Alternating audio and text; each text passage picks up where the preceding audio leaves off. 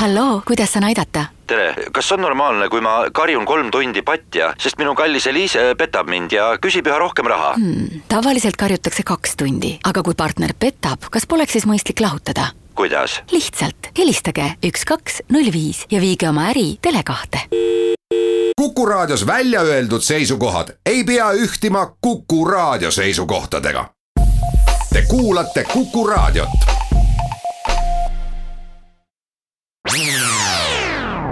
Restart.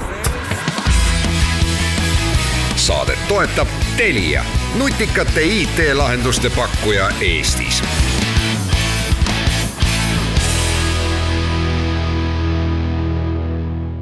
laupäev on käes ja Kuku raadio eetrisse läheb järjekordne Restardi saade. seekord saatejuhi tooli peal ei ole sugugi mitte Hendrik Roonemaa ega ka Taavi Kotka, vaid selle asemel võtab ajutiselt üheks nädalaks üle tooli Gregor Sibol portaalist geenius.ee. ja täna räägime ühisrahastusest, ilmselt Eesti ühe suurima ühisrahastuse kuruga viimastel aastatel Madis Müüriga, kes minu vastas nüüd ka istub. tere, Gregor ja tere kuulajatele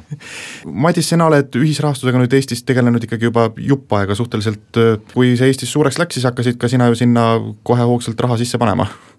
küllaltki algusest peale või noh, Pandora, kui ta seal masu ajal või veidi peale tekkis, seal veel ei tegutsenud, aga niisuguses osaluspõhi, põhises ühisrahastuses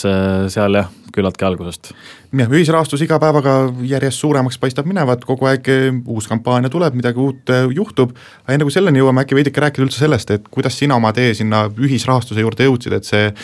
nii, nii palju, kui ma tean, sul see lugu seal taga on päris huvitav, et kuidas äh, käia põhjas ära ja siis äh, muutuda tipphasartmänguriks ja siis sealt võtta kõik võidud ja hakata hoopis äh, ingel investeerima mm,. et jah, võib vist öelda, et varasem teekond on nagu ette valmistanud selle jaoks ja peale keskkooli polnud mul mitte mingisugust aimu, mida õppima minna, nagu tõenäoliselt ka paljudel, ja läksin lihtsalt vale ala õppima. Äh, filosoofia oli siis minu jaoks vale ala, mina äh, ja sellel ei olnud nagu tööjõuturul ka mingit olulist väljundit tol ajal äh, väljaspool ülikooli ja nii ta pooleli jäigi, kuna kõrvalt olin avastanud enda jaoks investeerimise, tol ajal sai paugutatud siis USA ja Kanada börsidel toorainete kaevandajatesse investeerides ja võimendust ka kasutatud, mis noh, tol ajal paljud äh, olid siuksed, sihukeste uljamate, optimistlikumate strateegiatega, et keegi nagu riskide kohta midagi ei teadnud, ei viitsinud teada ka vist. Ja noh, nii ta läks, et heal ajal läks päris hästi ja siis, kui head ajad läbi said, siis enam nii hästi ei läinud. et loodetavasti olen selleks korraks midagi õppinud ja läheb seekord targemini või paremini. Aga jah, äh, kaotasin kogu portfelli ja natuke peale ka jäin natuke maksevõlgu. Ja siis, et perekonnale suurt rõõmu teha, siis hakkasin august välja kaevama ennast hasartmänguga kõik vaatasid, et ma olen nagu ilgelt tark poiss aga tundub, et edu tabas selle hasartmänguga ikkagi lõpuks. jah, et ei, seal sain nagu lõpuks õppimise pondile pihta ja sai enda oskused üles töötatud ja teenistust aastast aastasse sada protsenti umbes kasvatatud ja täitsa kenaks, et äh, olin siin pikka aega, üle viie aasta Eesti enim teeninud äh, live-turniiride pokkerimängija äh,. Põhiliselt mängisin netis, nüüd see aasta Marku Koplimaa jõudis ette lõpuks, kuigi ma olin juba mitu aastat nagu selle koha pealt pensionil. ja jah, äh, vahepeal siis äh, kusagil kaks tuhat kolmteist, neliteist hakkasid juba investeerimise armid nagu ära ununema. Et julgesin jälle natuke toimetada, alguses panin äh, madalate kuludega ETF-idesse et muud tegevused kõrvalt võtsid nii palju tähelepanu ära, et ei saanud ikkagi algusest kohe väga aktiivselt tegutseda. siis mingi hetk hakkasin Balti börsidel rohkem vaatama, et siin äh, noh, Baltikumis enamus aktsiaid äh, siuksed äh, analüüsimajad või pangad ei kata nagu. ja siis avastasingi, et siin tegelikult aeg-ajalt tekib väga häid võimalusi. et äh, näiteks noh, ühe selle Silvano Fashion Groupiga oli üks mu esimesi võimalusi,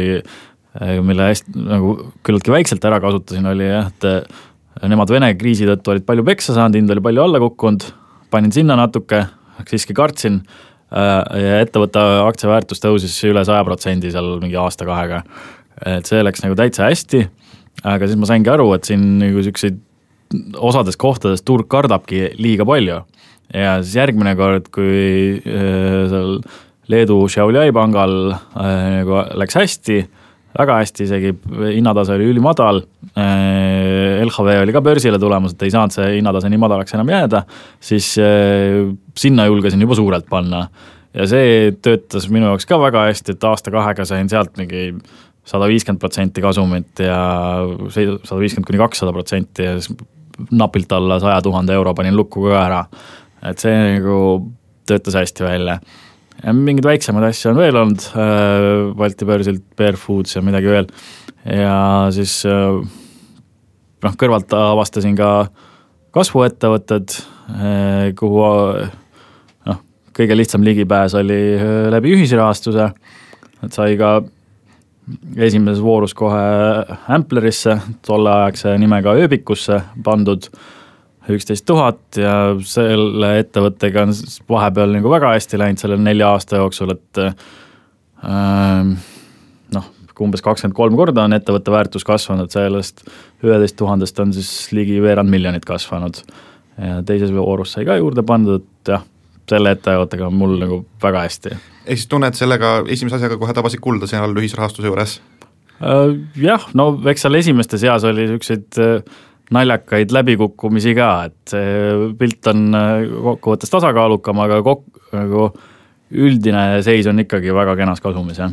mis sul hetkel veel peale Ampleri sellised endal suuremad idufirma prospektid on, millega sul äh, igapäevaselt tegeled? no selle Cleveroniga nagu igapäevaselt või noh, tegelikult üldse ei tegelegi, et seal pole lihtsalt passiivne osanik, aga Cleveron on ka mul üks äh, suuremaid niisuguseid edulugusid portfellis, et sai kaks aastat tagasi neisse investeeritud. Mm, samuti Funderbeami platvormilt näiteks äh, Leapin, neil on väga hästi äh, areng toimunud ähm,. Upsteam on kenasti käima minemas äh,, see Bikekeep edeneb, et äh, äh, Fundwise'ist sai äh, nii siidrikojasse kui nudisti pandud natukene, need on kenasti kasvamas, et jah. aga on mingi asi ka juba hetkel jõudnud selliselt hästi hapuks minna, kuna ühisrahastusse vahepeal ikka jõuab ka asju, mis noh, võib-olla on veel veidikene toored mingis mõttes või ole suutnud neid siiamaani vältida? Neid on natuke tulnud, et äh, alguses äh, näppisin noh, nagu purjus ööklubi külastaja, näppisin kõike, mis liigub, on ju et äh, aga noh, väikselt siiski, neid, mis on niisugused spekulatiivsemad positsioonid, neid sai väikselt mõne, mõnesaja euroga või niimoodi võetud, et et palju valu ei teinud need näpistused ja jah, ühte tuttava ettevõttesse sai mingi ka kümme pandud, kümme kilo, see läks, päris kiirelt läks huugama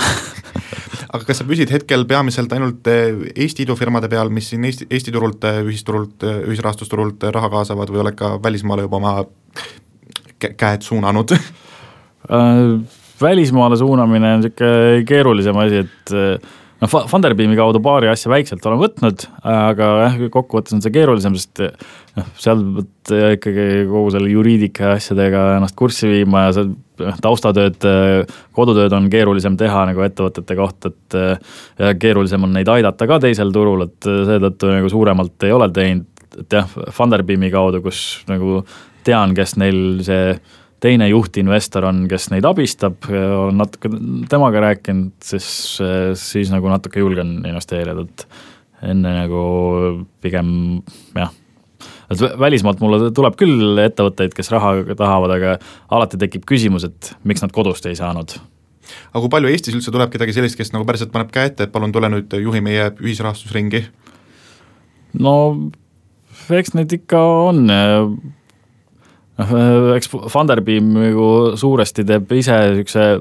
eelsõelumise ka läbi, et nad, nad pakuvad mulle regulaarselt enda asju, ettevõtteid, kes sinna tulevad, aga neil kokkuvõttes jõuab jah, umbes kaks protsenti nendest ettevõtetest, kes tahavad seal tõsta, ainult kaks protsenti jõuab tõstma.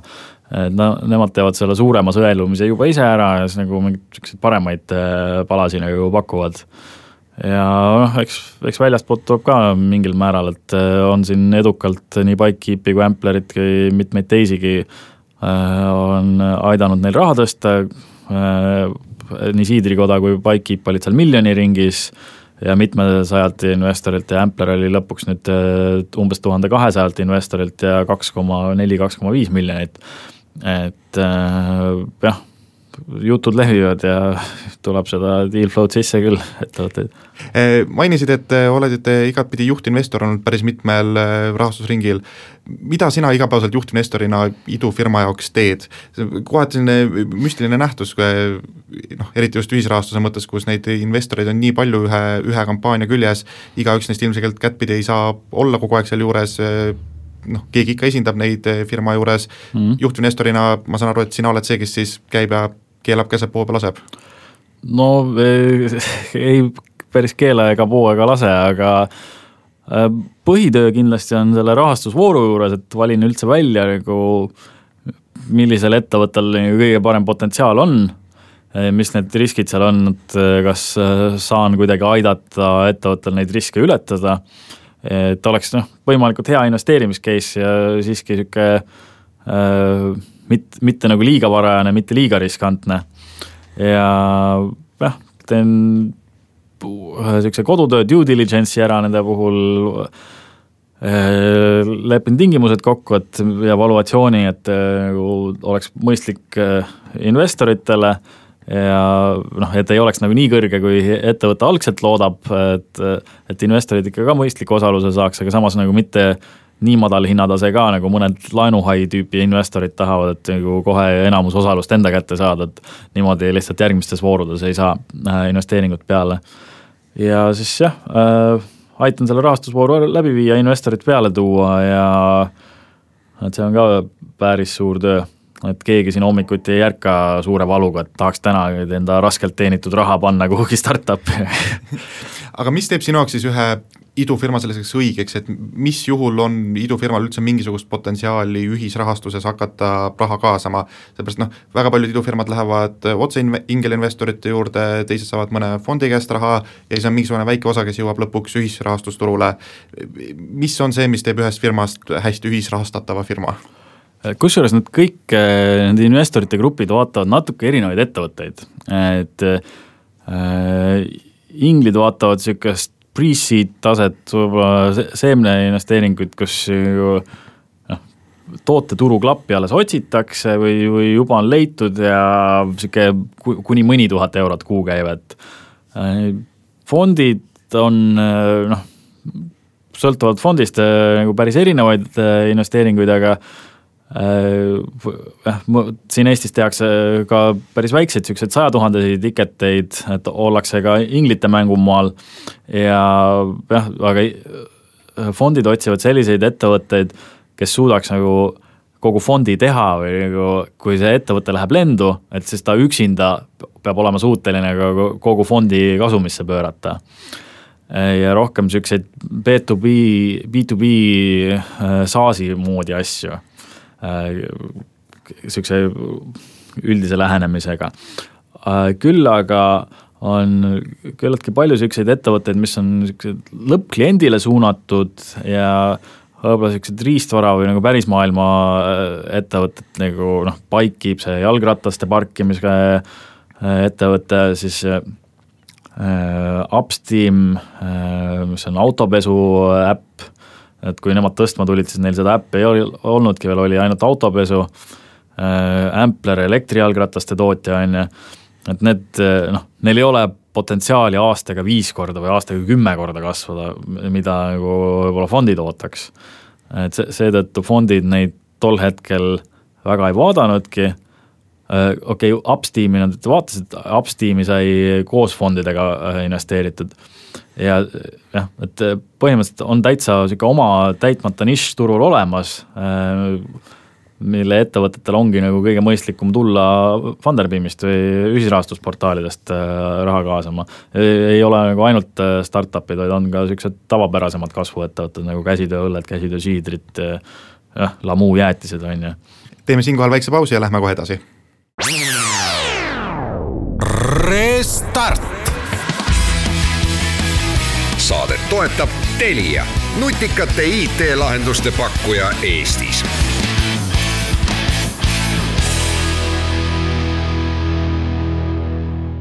Restart läheb edasi, Madis Müür meil endiselt külas, Eesti ühisrahastuse guru räägib sellest, kuidas, kuidas saab pokkeriga hakata idumiljonär, idumiljonäriks varsti. paanete juures tihti võib näha firmade poolt ka mingi selliseid, selliseid välja visatud veksleid, et see aitab kliendiga lähedasemaks saada, aitab sellist isiklikku suhet tekitada, kuna noh, klient on üht, ühtemoodi ka investor, tal on huvi, ta tahab neid asju osta, kui palju on see selline ilus jutt, või kui palju see tõeline on see, et firmad nagu tahavadki päriselt äh, selle konkreetse ühe inimesega, kes talle raha annab, saada lähedaseks, saada sõbraks? ma arvan, et see on väga oluline, see on täpselt samamoodi ka börsil, et äh, näiteks siis, kui LHV tuli börsile, siis nemad said noh, mälu järgi umbes viis tuhat investorit, on ju, kellest paljud kutsusid enda sõpru-tuttavaid ka üle LHV klientideks ja väga paljud tulid, nad said kvartaalselt ikka tuhandeid kliente juurde. ja täpselt sama on ka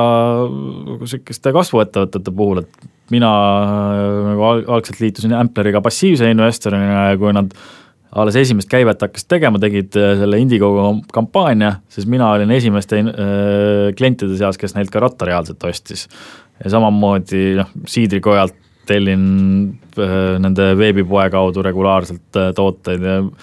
paljudel ettevõtetel on klient, et äh, näiteks äh, selle Bikekeepi puhul ka pidevalt paigin, äh, pargin enda Amplerit Bikekeepi parklates, et ehk siis üks investeering toetab teist põhimõtteliselt küll, jah. aga kui nagu laia plaani vaadata, siis kui hästi see selline müügikanal töötab seal, et noh, kui otseselt mõnikord ju pakutakse mingisugune kakskümmend protsenti allahindluseid tootelt mingisuguse regulaarsusega, alla muul vist oli selline pikaaegsem pakkumine, et tule mm -hmm. investeeri meile, saad regulaarselt odavamat jäätist, asju mm, -hmm. kui hästi see nagu konverteerub nagu päriselt müügiks ja firmale kasuks? Mingit niisugust otsest uuringut ma ei ole näinud, aga kindlasti ta sellises varasemas staadiumis, kus ettevõttel käive ongi väike, on ta ikkagi päris oluline lisa, et äh, ka mingid esimene turg ära valideerida, enda fännid äh, ettevõttega paremini ära siduda, et jah, tihtipeale need, kes investeerivad, need ei olegi nagu täitsa võõrad inimesed, vaid ongi nagu ettevõtet varem ka teadnud, võib-olla varem ka proovinud, see ju ongi võimalik nagu selle toote või ettevõtte fännidel nagu paremini ära siduda ennast, hakata nagu niisuguseks omanikuks, brändisaadikuks. et niisugune omanikutunne on ka nagu päris äge asi, et äh, aidata niimoodi väiksel ettevõttel kaasa ja äh, ja noh, paljud ei aita mitte ainult äh, niimoodi ise kliendiks olles, vaid noh, näiteks Siidrikoja puhul äh, üks investoritest pakkus välja, et aitan teil seda solarit katusele panna, ühel oli seal mõne kilomeetri kaugusel oli maad, et panen õunad kasvama, on ju, et noh, niisuguseid noh, Pikekeepi ja Ampleri puhul on olnud valdkonna startup'i founder eid, mingi Stigost, Amperi inimesed on investeerinud Pikekeepi, on ju, Co-Moduli inimesed, Cleveroni, et noh, see, mis äh, know-how'ga inimesed äh, sinna ettevõttesse tulevad äh, investoriteks, see on nagu tegelikult päris muljetavaldav ja ma ütleks, et et sellest,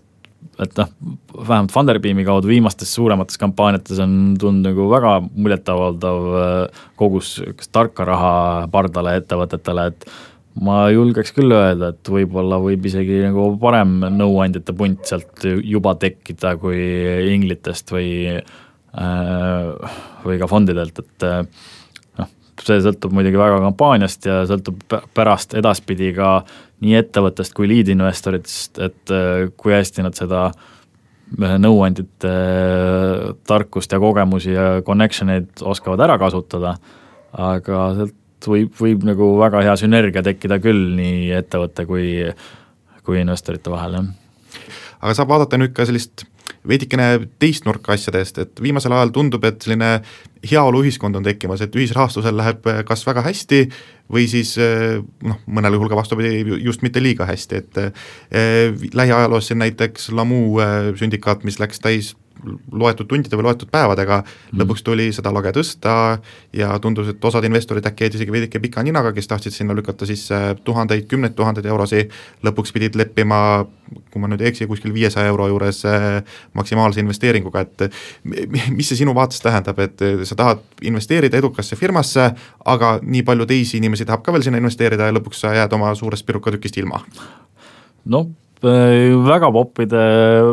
rahastusvoorude puhul võib see juhtuda, et jah, päris ilma ei jäänud, said äh, nagu väikse osa sellest, noh, ega need, kes seal kümme tuhat või viiskümmend tuhat või sada tuhat märkisid, need nagu enamuses reaalselt ikkagi nii palju kätte saada ei tahtnud, et nad, palju oli seal ka sellist spekulatiivset huvi, et kuna kõik märgivad, siis äh, ju ta siis järelturul hüppab ja noh, hüppas ka ja nagu paljud tahtsidki seda, selle hüppe pealt teenida, aga Äh,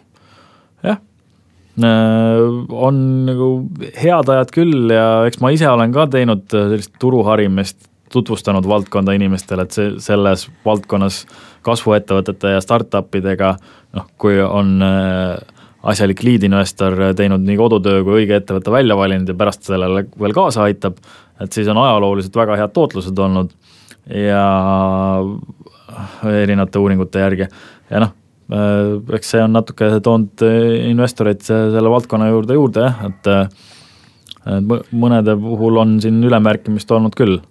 Aga samas mõne puhul on tundunud, et asjad ikka lähevad üsnagi hapuks, enne kui asjad lõpule jõuavad, et näiteks hiljutisest ajaloost Õllenaud, kes lõpuks sai napilt-napilt sai oma sihtmärgi täis aktiivse meediakampaaniaga, aga on ka veidikene õnnetumaid juhtumeid olnud, näiteks Nobe, kes Indiegogo platvormil üritas kaasata elektriauto tootmiseks raha ja lõpuks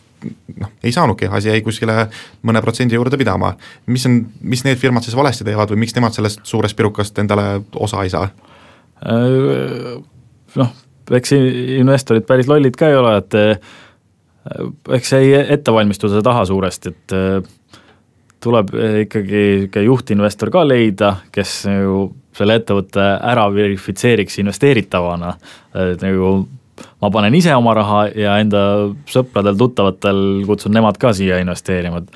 et õllenaudil seda ei olnud. ja et see on nagu üks miinuseid. Ja noh, vähemalt Nobe puhul oli ka see, et noh, see oli puhtalt hüvedepõhine, et sa ei saanud mingit osalust vastu või, või äh, jah, et kui ettevõttel läheb tulevikus edukalt, siis äh, sina sellest nagu midagi kasu ei saa, vaid oligi, et ma ei mäleta, mis need täpsed hüvede kategooriad seal oli, sõltuvalt investeeringust, aga umbes viiekümne, kuuekümne dollari eest sa said mingi T-särgi ja noh, oligi enam-vähem kõik, mingi nime ka kuhugi kirja, et et noh ma ei tea, see ei ole nagu väga motiveeriv. noh, juhtinvestori rolli rõhutaks selle koha pealt ka veel, et, et juhtinvestor äh, nagu esialgu paneb nii ise, kui kutsub enda tuttav, tutvusringkonnast investoreid, kui aitab nagu ettevõtte niisugustel fännidel, klientidel, koostööpartneritel investeerida, on ju, et, et oleks nagu mingi hulk investoreid juba pundis et kui lihtsalt teha kampaania lahti nullist, et sul ei ole mitte kedagi seal investeerimas esialgu, siis mitte ükski investor ei taha olla esimene või, või kolmas või viies, et äh, tuleb algul niisugustest ettevõtte fännidest või lead-investori tutvusringkonnast see mingisugune kriitiline mass äh, investoreid kokku ajada ja sealt hakkab see lumepall kasvama, et, äh, et jah, lihtsalt ma ütleks, et tegemata eeltöö oli nendel, et leia, leia lead-investor ka või leia nagu mingi äh, hulk ettevõtte fänne, kes nagu tulevad ja küll siis jõuavad te-, julgevad teised ka tulla, aga kui isegi omad inimesed ei julge panna, on ju, miks peaks siis võõrad inimesed panema, on ju aga kui palju siin selline äh, firma bränd kui selline rolli mängib, siis kui me näiteks äh, läheme tagasi selle Lamu näite juurde, Lamu puhul lead-investor küll oli, aga noh, vähemalt mina kui ta-, lihtsalt Facebookis ringi käija ei näinud seal otseselt niisugust tema poolt sellist haipi, et üle, et tule investeerima. Mm.. pigem seal oligi see, et kõik, kõikide jaoks oli see tuttav nimi, seda jagati. Mm., inimesed tund-, tundusid, et nad tahavad sellest äh, tuntud nimest endale osa saada, kui, kui suur osa sellisel, sellisel asjal on või kui suure mõjuga see on ühe kampaania edukuse jaoks, et kas kas see, et nimi oli tuntud, on ka see põhjus, miks Lamu mitmekordselt üle märgiti? Äh, kindlasti on lisaks suurele brändituntusele oli seal ka see, et äh, lihtsalt see rahastusvoor oli nii väike, äh, see oli, algselt oli nelisada tuhat, et praeguseks on turul ikkagi juba rohkem raha ja kui on niisugune põnev ja tuntud äh, bränd hakkab tõstma ja oli näha, et tuleb seal sadu või isegi üle tuhande investori, lõpuks tuli vist tuhat seitsesada isegi. et äh, siis äh, jah, paratamatult see huvi hakkab kasvama ja lumepall hakkab veerema järjest kiiremini ja nii, nii ta seal ka läks, et et jah, brändituntus ajas need inimesed kohale, aga siis teised vaatasid ka juba, et kurat, siin hakkab kerima, et tahaks ka osa saada aga see brändi tuntust jäi kohale ka hästi palju selliseid inimesi, kes tegelikult noh, võib-olla idufirmades kui sellisest kontseptist isegi väga midagi ei tea, aga mm. nad teavad Lamud kui, kui ettevõtet. kuidas see tavalise investori jaoks mõjub, kes ongi selline elukutseline firmadesse investeerija, kas ta pigem tahab olla osa sellest kampaaniast, kuhu tulevad ka kõik teised inimesed või ta pigem tahab otsida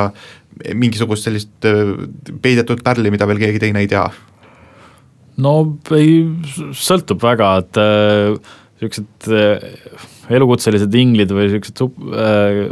ma ei tea, superinglid või niisugused äh, ettevõtete founder'id on ju, kes aeg-ajalt teevad nagu suuremaid tiketeid, mitmesaja tuhandesi ja ühisrahastuse väliselt, et äh, neil nagu see kuigi oluline ei ole. Aga nagu investoril, kes just äh, ühisrahastuse platvormidel ka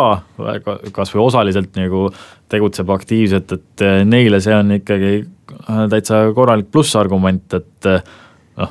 et nii, nii kliendid kui ettevõtte fännid nagu tulevad, et eh,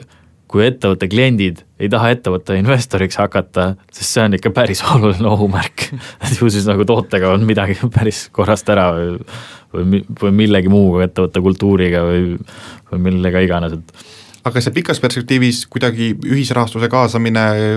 ka firmat mõjutab, kui me vaatame näiteks selles, et hetkel kaasab oma raha ära mm., kümne aasta pärast tahab teha, võib-olla mitte kümne aasta pärast, võib-olla viie aasta pärast tahab teha uue rahastusringi, seekord mitte ühisrahastuses, vaid võtta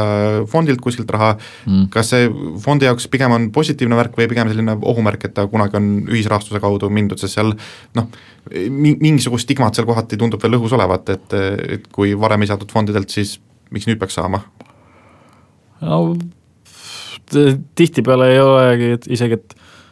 et, et ei saadud fondidelt, vaid võib-olla nagu otsustatigi ühisrahastuse kaudu, et ühisrahastusest saab jah, natuke võib-olla parematel tingimustel ja aga ma ei tea äh,, jah, sõlt-, sõltub fondist, et äh, eks ta ettevõte paneb ikkagi nagu investorite tagasiside, paneb nagu paremini raporteerima seal ja et noh, võib-olla mitte nii hästi, kui, kui fondid äh, nõuavad nii detailselt, aga nagu niisugust noh, noh, nad saavad niisuguse avalikkuse tähelepanu, äh, avalikkuse huvi ja ma arvan, et see on ju äh, täitsa niisugune hea esimene samm nagu kunagi päris avalikuks ehk börsiettevõtteks jõudmisel. et võib-olla tulevikus hakkabki nii olema, et et noh, ühisrahastus areneb ka, USA-s tehakse juba mitmekümne miljonisi rahastusvoore ühisrahastuse kaudu, Euroopast see, mis ta oligi, Brewdog tõstis, ma ei tea, üle neljakümne miljoni siin viimases voorus, et et see ühisrahastus võibki kasvada välja niisuguseks täiesti alternatiiviks nii, nii fondidele kui teisest küljest ka börsidele Äh, vähemalt niisugusele First North või kasvubörsidele, et äh, nõuded on natuke vähem äh, kui börsilt, börs ongi ülereguleeritud, et kasvuettevõtted sinna ei tahagi nagu liiga vara minna ja siis nagu neil ongi mõistlik niisugust laiemalt investorbaasilt, kus on seda tarka raha ka sees, kaasata nagu ühisrahastuse kaudu. Läheme siit kohalt veel ühele viimasele pausile ja jätkame saatega Restart. saadet toetab Telia, nutikate IT-lahenduste pakkuja Eestis.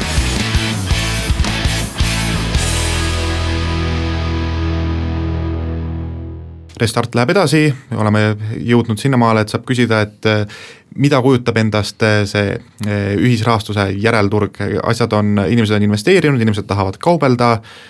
mida see firma jaoks tähendab, et nad sellisel pseudobörsil nüüd on, et eh, ikkagi nende tegemisi vaadatakse, nende väärtuse hind seal kõigub, kas inimesed tahavad seda osta või ei taha osta, et kas idufirma jaoks on pinge, mida neil vaja on? no raporteerima nad peavad investoritele, kui nad on välist raha kaasanud, peavad niikuinii, et et olgu see kas inglid või fondid või, või ühisrahastus, et võib-olla seda äh, seda detailsust, mida ühisrahastuses äh, kasutatakse, et võib-olla see ei olegi nii detailne, kui, kui muida, muidu on. Ja noh, eks see avalikkuse tähelepanu, ma ei tea, kas seda nagu seda pingenurga alt vaadata, vaid noh, pigem nagu lähevadki ühisrahastusest tõstma ikkagi need ettevõtted, kes äh, selle väärtust näevad, äh, kes seda kliendibaasi kaasamist kui targa raha kaasamist, nõuandjate kaasamist äh, nagu väärtusena näevad ja tahavadki seda ka tulevikus ära kasutada. sest see on ka lisaks rahale nagu väga oluline lisandväärtus. et, et jah, ma arvan, et enamasti tulevadki niisugused ettevõtted, kes tahavadki sellist avalikku tähelepanu ja tegelikult see on noh, vaja, äh, vägagi kasulik nii müügi suhtes, nii palkamise suhtes äh,, ma ei tea, koostööpartneritele on see korralik pluss, et noh, ettevõte kaupleb seal ja on, raporteerib korralikult, näitab edusamme, on ju, et äh, järelikult on usaldusväärne koostööpartner kuidas sulle tundub, kuidas Eestis järelkauplemise turg arenenud on? kas inimesed tahavad osta neid asju isegi siis, kui nad ei ole ise investeerinud või pigem on see, et need, kes on äh, ostnud, tahavad lihtsalt juurde osta?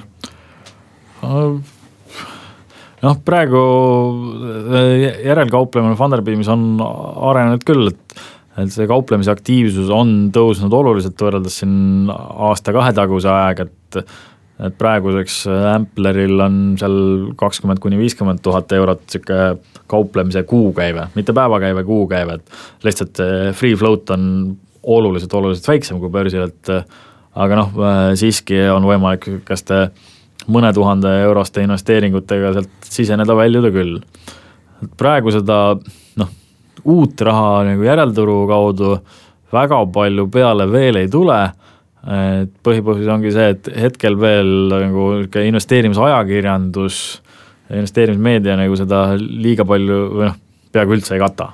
et mina olengi nagu üks ainsaid, kes nagu enda portfelli, enda blogis ja vahest ka teie geeniuse portaali kaudu nendest juttu teeb, on ju, et et seda võiks iseenesest isegi rohkem olla, sest näiteks Ampler ja Leapin on nende turuväärtustega juba täitsa sealmaal, et noh, mitmest börsiettevõttest suuremad, et et neid võiks juba meedia katta küll aga kui selline heaks börsitreeninguks sa pead seda, et nad seal järelkauplemisturul on, sellepärast et noh, ilmselt kui edukas firma, seal järelkauplemises neil summad kasvavad kenasti, üks hetk nad ilmselt ka päriselt börsile jõuavad, kui, kui suure sellise julgestusena peaksid siis börsiinvestorid võtma selle, et nad on järelkauplemisel edukad olnud ja kui palju peaks firma ise sellele rõhku panema, et kas võib-olla isegi, kui otseselt ei ole vaja raha kaasata, tasub ikkagi minna eh, ühisrahastus veidike raha kaasata, et, et saada sinna järelkauplemisturule, tekitada sealt mingisugust tausta endale, näidata, et inimesed on nõus maksma selle eest ja julgustada kunagi siis börsiinvestoreid. kusjuures viskaks eh,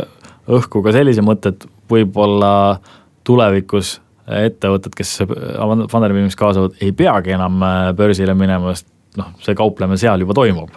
et või, võib-olla noh, sealne kauplemine ongi ise juba peaaegu samasugune nagu börs, muidugi palju vähem reguleeritud. aga eks ta kindlasti on äh, hea ettevalmistus küll, jah, ei ole nagu nii reguleeritud äh, see, aga investoritega suhtlemisega saab algust tehtud, investoritele raporteerimine äh,, et kõik, kõik need asjad on olemas seal ja ju kui ettevõte suudab seal näidata, et äh, noh, seab eesmärke ja täidab neid, äh, sealt on ära näha, et kui, kui hästi ta neid eesmärke täidab, kui hästi ta seab eesmärke, et kas ta võib olla nagu hea investeeringuna ka hiljem, kui ta börsile läheb aga kas teha see veidikene hüpe kohe edasi, hetkel on hea aeg, inimesed tahavad osta, eh, inimesed tahavad eh, müüa, kuna summad on kõrged, inimesed tahavad raha sisse panna mm., aga kuna kõik nagu teavad, majandus on tsükliline, mingi hetk ilmselt lähevad asjad korraks vähemalt veidikene halvemaks, mida see ühisrahastusturu jaoks kui sellise jaoks tähendab, et mis sa arvad, kas eh, jääb see näiteks kas või Eesti kontekstis endiselt selliseks valiidseks meetodiks, kuidas kaasata raha, isegi kui vaba raha turul on veidike vähem? no neid ühisrahastusplatvorme väljaspool kasvuettevõtete sektorit ka on juba päris palju tekkinud, et enam ei jõua üles lugedagi. Neid laenupõhiseid ja kinnisvara tagatisel ja kõiki, kõiki siukseid, aga noh, ükski nendest platvormidest, Eesti omadest vähemalt ei ole niisugust halvemat aega üle elanud. et see on ka nagu kindlasti teatav väike, teatav ohumärk, et väiksematest platvormidest, mis ei ole nagu mingit olulist edu saavutanud, kus nad noh, praegugi see kaasatav raha hulk on väike, et neil ei ole kindlasti mingit sihukest talvevarusi nagu kogunenud, et neil saab halvemat aega olla kindlasti raskem üle elada. et, et nagu ma arvan, et jah, väiksematel läheb raskemaks platvormidel, suurematel platvormidel võib-olla nad tulevad just äh, raskustest edukamalt välja, et äh, noh, ei ole nagu sihukest kaks tuhat kaheksa, üheksa, kümme tüüpi suurt pauku ka näha kusagilt, et äh, mingit mulli ei ole nagu, vähemalt siinkandis on küll kasv väga tugevatel jalgadel, on ju, ja noh, üldiselt need ettevõtted, kes äh, rahastust on saanud, need on ka vägagi asjalikud, et jah, nii Funderbeam ise on nagu korralikku eeltöö teinud, et äh, selekteerinud üheksakümmend kaheksa protsenti ettevõtetest välja, et ainult kaks protsenti saab, pluss neil nagu lead investor ka, on ju, kes on kodutöö ära teinud, et et jah, et kui, kui lead investorit ei ole, näiteks selle tei-, Fundwise'i platvormi puhul, siis jah, see sõel on natuke laiem või, või palju laiem või ma ei teagi, kas seal sõela üldse on, et et kui, kui sellist investorite poolset kodutööd enne ei ole teinud, siis, siis on ohumärgid kindlasti suuremad, aga aga ma ei tea, eks äh, tundub, tundub helge tulevik. pigem, pigem vast jah, ma arvan, et ühisrahastus on kindlasti tulnud, et jääda, äh, börs on kindlasti ülereguleeritud äh, ja ju noh, sellist lahendust on turul lihtsalt vaja nagu ja noh, järjest suurem osa kasvust toimubki enne börse, näiteks kui vanasti Google ja Microsoft läksid seal miljardi kandis või allagi, läksid börsile, siis Äh, Uber läks seal, ma ei tea, kuuekümne, kaheksakümne miljardi pealt, Facebook saja miljardi pealt ja nii edasi, et et noh, järjest suurem osa kasvust toimub enne börse ja vähemalt ühisrahastus pakub ligipääsu nendele kasvulugudele äh, ka laiemale investorkonnale eks me siis lähiaastate jooksul näeme, mis siin saab sellest Eesti investeerimisturust ja ühisrahastusest laiemalt, et loodame, et asjad lähevad ikkagi ülesmäge ja firmad, kes sinna on läinud ja lähevad, suudavad näidata häid numbreid ja edukad olla ja tõestada, et ühisrahastus on igati asjalik koht, kuhu, millega tasub tegeleda. Mm. Restart sellega ka tänaseks lõpetab, aitäh, Madis Müür, et tulid külla, veidikene rääkisid, kuidas saada pokkerimängijast investeerijaks ja mida ühisrahastus endast lähemalt kujutab. Ja Restart eetris jälle nädala pärast head aega! aitäh, head aega! Restart. saadet toetab Telia, nutikate IT-lahenduste pakkuja Eestis